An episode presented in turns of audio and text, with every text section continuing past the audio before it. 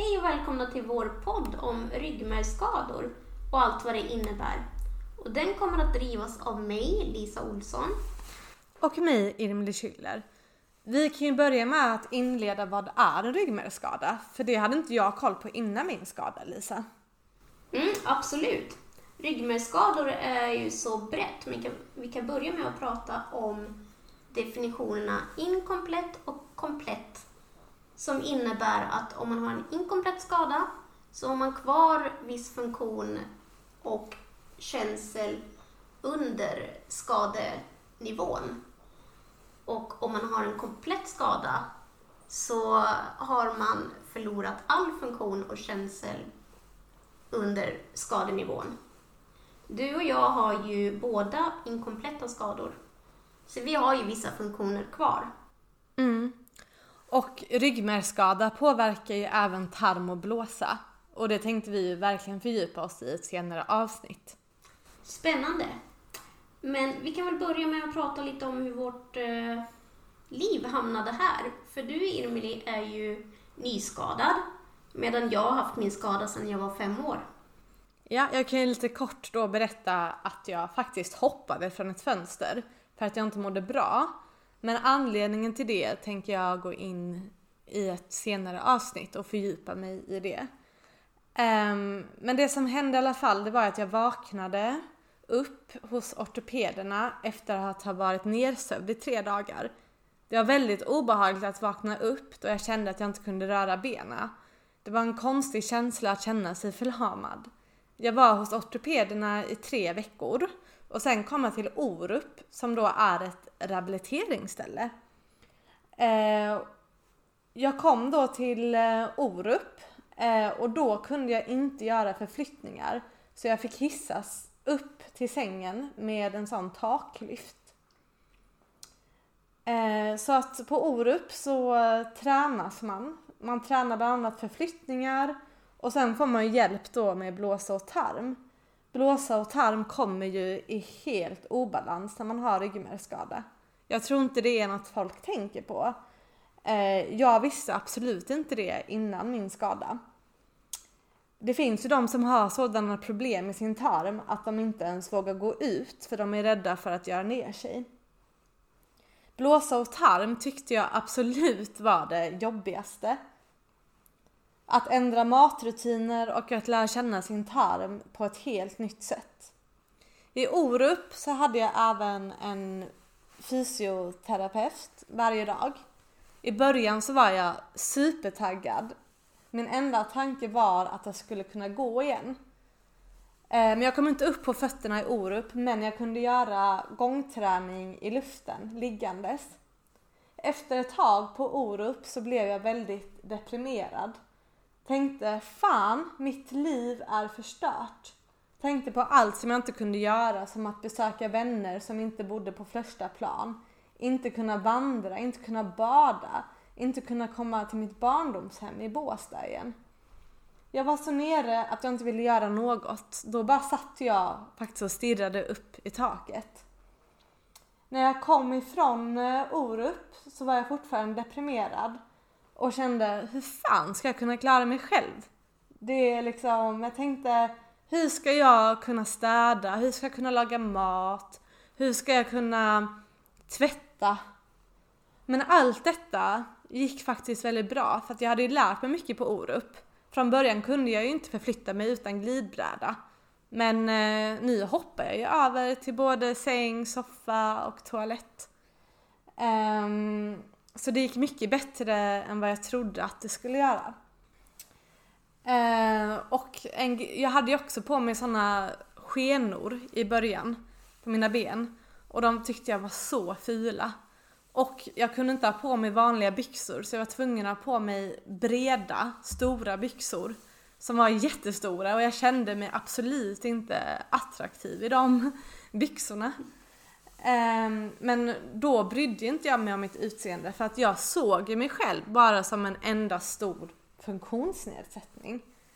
Jag skämdes när jag var ute och rullade. Jag var så avundsjuk, jag var faktiskt avundsjuk på folk som, eh, som kunde gå. För jag kände bara fan ni kan gå, det kan inte jag, här sitter jag i rullstolen. Så jag blängde på folk och då fick jag ju så här eh, sorgsna miner tillbaka. Mm.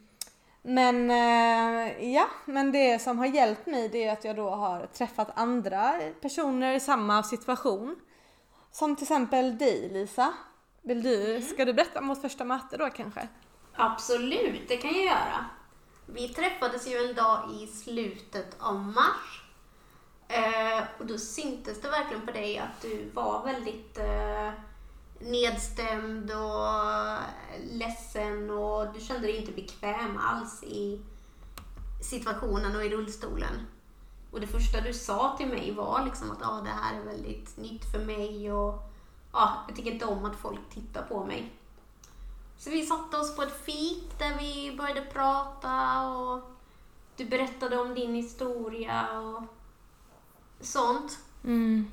Jag kände mig väldigt nedgången när jag träffade dig. Jag hade ju så här, ja, jag sket i att tvätta mitt hår, det var fettigt och jag kände mig så liksom ful. Jag brydde, fast jag brydde mig ändå inte vad jag kände men fan, man ser ju bara rullstolen. Och då så var ju du, det var klokt det du sa, för då sa du ju så, visst tittar folk, men då gäller det att de ändå har någonting fint att titta på, det är bättre liksom. Och då kände jag bara, ja. Så du sa till mig, köp läppstift, börja, känn dig attraktiv igen. Ja, för det var ju så att du tyckte om eh, mitt läppstift som jag hade på mig den dagen. Och det var så vi kom in på det där, liksom att du sa att ja, men jag brukade också sminka mig innan, men nu har jag helt slutat med det för att jag känt mig så deprimerad. Eh, och för mig så tycker jag det är en ganska bra sak att känna sig snygg och ja, men det gör inget att folk tittar på mig. De kommer alltid titta så att men låt, dem, låt dem titta då. Mm. Men så länge jag känner mig eh, snygg och stark så, så bryr, mig, bryr jag mig inte så mycket om blickarna. Nej. Så att eh, det var kul att du ändå eh, kände att det var något du kunde ta till dig. Mm. Jag kommer, vi kommer berätta, jag kommer berätta om vändpunkten sen då, den stora Göteborgsresan. Men eh, du kanske ska berätta lite då först om din skada tänker jag. Absolut. Eh, det, de upptäckte ju redan när jag var nio månader att jag inte växte riktigt som jag skulle. Så då började man göra olika kontroller och tester. Men det var inte förrän jag var fyra år som eh, de upptäckte att jag hade en eh, tumör i nacken. Eh, det hade kommit en datortomografiapparat då till Uppsala. Innan hade man inte haft det. Mm. Och det var därför man eh, kunde se då liksom att ja, men här är någonting. Eh, den var förvisso ofarlig, men den växte mot min luftstrupe och den påverkade min högra sida som var svagare än den vänstra. Så då eh, tog man bort den i eh, december 1986 Mm. Och det var drygt en månad innan jag fyllde fem år. Eh, och efter det så vaknade jag upp då och var eh, i stort sett nästan helt förlamad. För kroppen får ju en chock efter en, en eh, ryggmärgsskada. Eh, men efterhand så lärde jag mig att eh, eh, lyfta på höger axeln, vilket var en väldigt stor grej för mig. Eh, och eh, sen fick jag tillbaka lite mer funktion i vänsterarmen och, och i vänsterbenet. Men annars, jag minns inte jättemycket liksom, eh, från den här tiden eftersom jag var så ung. Eh, men det jag kommer ihåg är att jag kände mig väldigt frustrerad när jag inte kunde göra det som jag var van vid att kunna göra. Och ännu tydligare blev det när jag började skolan och eh, alla andra tjejer i min klass höll på att hoppa hopprep och hoppa hage och sådana saker som inte jag kunde vara med på. Då kände jag mig lite utanför och eh, ensam. Um, och sen när jag var ung så fanns det ju inte några rehabiliteringsställen som eh, Orup, som du fick komma till, Mm. Irmeli. Och det gjorde ju att jag inte riktigt fick den här hjälpen att eh, lära mig av ett team som vet vad en ryggmärgsskada handlar om. Att komma tillbaka och lära mig tips och lära mig vad en ryggmärgsskada innebär. Så det har jag ju fått lära mig själv längs vägen. Sen fick jag ju också kontakt med Orup, men det var inte förrän eh, runt kanske fem år sedan nu. Då fick jag komma dit eh, och eh, träffa folk som vet vad det handlar om. Så jag har då en skada på eh, C2 i halsryggen. Så jag har ju en skada som påverkar både armar och ben. Medan du ju har en skada som är mycket lägre än min. Mm. Mm. Så att eh, det var ju det om mig. Ska du berätta lite om eh, vår resa till Göteborg? Ja, det kan jag göra.